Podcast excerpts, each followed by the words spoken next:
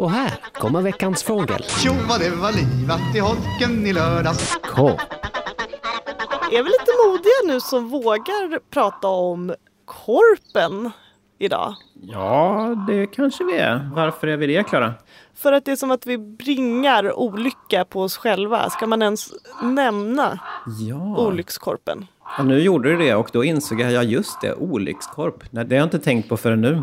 Alltså, vi har ju eh, fått reda på att det finns, men att nötskrikan kan bringa otur i Småland och sånt där. Liksom. Att det finns många fåglar, det finns mytologi runt. Men det känns som att korpen är väl den, då, den mest vedertaget olycksamma fågeln. Ja, det kan säkert vara så. I min värld, jag tänker på den här gamla bilden av korpen som en vis fågel. Ehm, Jaha, det tänker här- jag ju i ugglan. Ja, nej, utan jag tänker det här Hugin och Mumin, det här Odens rådgivare. Eller vad man ska säga. Och att de också är, det här har vi pratat om innan med Korp är ju en kråkfågel, att de är intelligenta problemlösare. Eh, okej. Så det är väl lite så jag tänker på den. Men med det sagt med Hugin och Munin så kan man ju verkligen konstatera att det är en fågel som varit med länge här i Sverige. Absolut, så är det ju. Men lite basic om korpen då. Det är ju vår eh, största kråkfågel.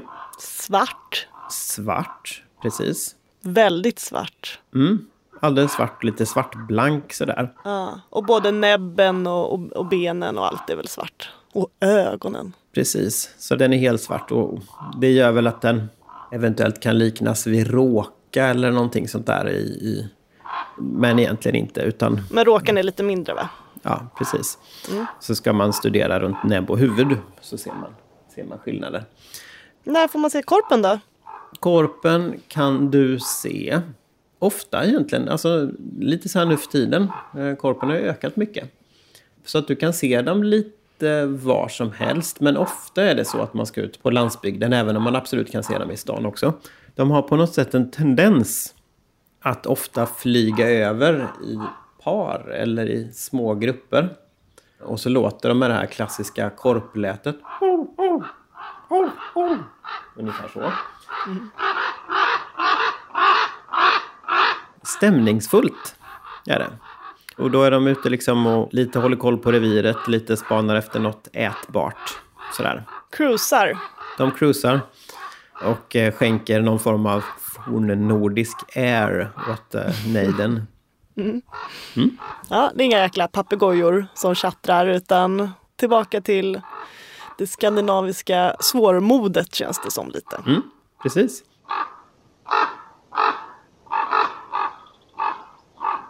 Men som sagt, det är en eh, gammal fågel. Har den varit här längre än människorna typ? Ehm, Det är ju svårt att veta. Det är precis som om det faller ett eh, träd i skogen. Lät det då? Nej, det är det inte för det finns väl massa tecken på vad det funnits för djur här innan oss. Så det var inget. precis, fossil. Jag tar tillbaka det. Ja. Eh, nej, men de har ju funnits, om man säger så, korpar eh, finns ju långt norrut. De finns i fjällen och så här, de, och, och de kan finnas i karga miljöer. Så det känns ju helt rimligt att korpar etablerade sig, drog fram liksom när inlandsisen drog tillbaka. Att de kom snabbt. Fåglar sprider sig ju av naturliga skäl snabbare än människor.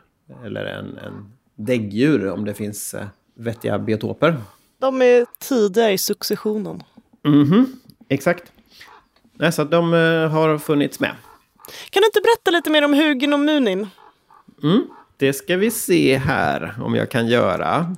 De satt väl på Odens axlar och sen skickade han ut dem över världen för att kolla läget liksom. Och så kom de, var lite spejare och, och sådär. Man kan säga så här. Du har sagt allt jag vet om och Mumin. eh, Förlåt, du ska ju vara the brains i den här podden så kommer jag att outshine you. nej, men det, det, vi ska väl båda vara the brains. Men vi- kan tillägga någonting här.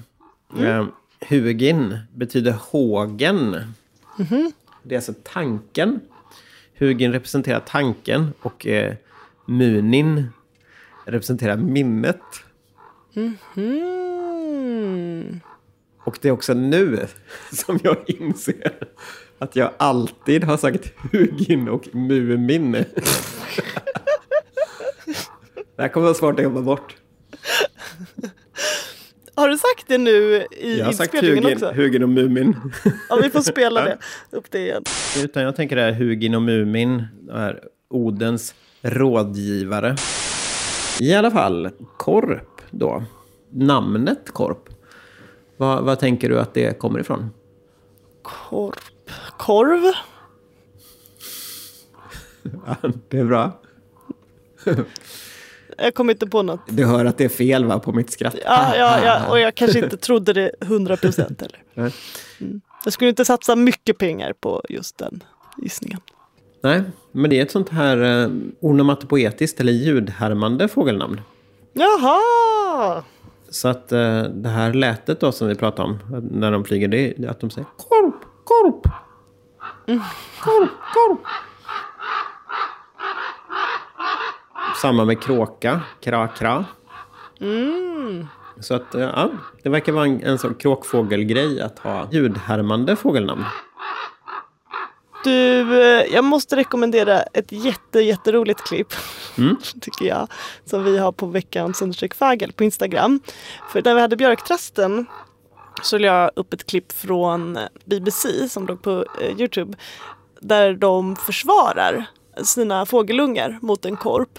Och först börjar de jaga iväg den och den blir rädd och drar sig undan. Men på toppen av det så hela flocken bajsar på korpen och den får en, det i munnen till och med.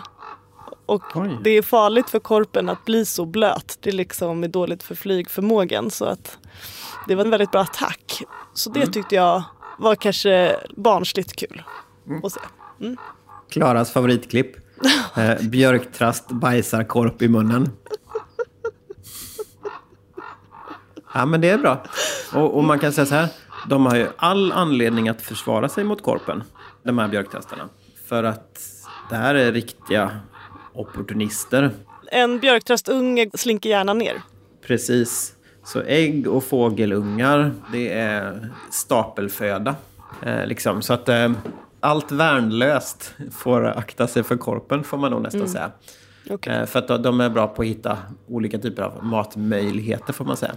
Men kan de äta bär och frukter och sånt också? Eller är det helst andra små djur? Kråkfåglar är klassiskt eh, allätare, faktiskt. Tillhör den här anpassningsbarheten då som de har. Och det gäller även korpen. Men sen har korpen faktiskt en, en ganska animaliskt inriktad diet då. Så att eh, På julbordet så drar den sig mest till kötträtterna. Exakt. Det kan komma någon liten morot med på tallriken men det är inte morötter på hög. nej, precis. Och vinterföda för korp då, det blir ju ganska mycket as. Och då också större djur. Ja, precis. Så att eh, om man säger så under eh, våren och sommaren så finns det mycket ägg och fågelungar och däggdjursungar och liknande som de kan äta. Och sen på vintern så är det kanske mer, om man tänker evolutionärshistoriskt, när det fanns mer varg och så i Sverige, så kunde korpar följa efter varg till exempel och äta av deras bytesdjur. Och vintern är ju en tid på året och det finns mer döda djur i naturen. Liksom. Så att eh, as, mycket as på vintern. Mumsigt för korpen. Så vill du göra det? Alltså vissa säger åh vill du bli bränd eller vill du bli begravd? Eh, le, eh, levande, inte levande. Eller, eller vill du begravd? Vill du bli uppäten av korpar heller Anders? Eh, alltså det är inte den mest tilltalande Nej. tanken faktiskt. Och just så här Eh. äckligt att picka på ögonen och sådär. Ja men precis. Om du vill att jag ska motivera det på något sätt så tänker jag att man som människa har samlat en hel del olika typer av gifter i kroppen under en lång livstid. Eh, och så ska de föras ännu högre upp i näringskedjan så att det, det vore trist. Ja, det är mer för korpens skull än för din skull som du inte vill göra så. Ja, för ekosystemets skull såklart. För ekosystemets skull. Eh, Men sen har vi ju soptippar och annat som också är mumsig matplats för, för korpen då. Smart opportunist som den är. Ja, och olycksaspekten det har väl att göra med att den är så svart antar jag och att den Alltså det är ju inte ett vackert läte utan det är ju lite klagande kanske nästan. Ja, alltså Jo, nej, men det kan man väl förstå. Alltså svart är ju ingen, inte klassiskt ingen turfärg. Eh, Så det, det kan ju finnas något olycksbådande över, över korpens uppenbarelse. Och sen är det väl helt enkelt så att jag tänker förr i tiden så kanske det var vanligare att det låg så att säga döda människor i naturen på ett eller annat sätt. Eller om man tänker sig efter krig eller liknande. Ja, just det. Eh, och, så, var samlades det korparna väl framme. säkert korpar där och asätare. Mm. det tänker jag, det, det, ser man det så kanske...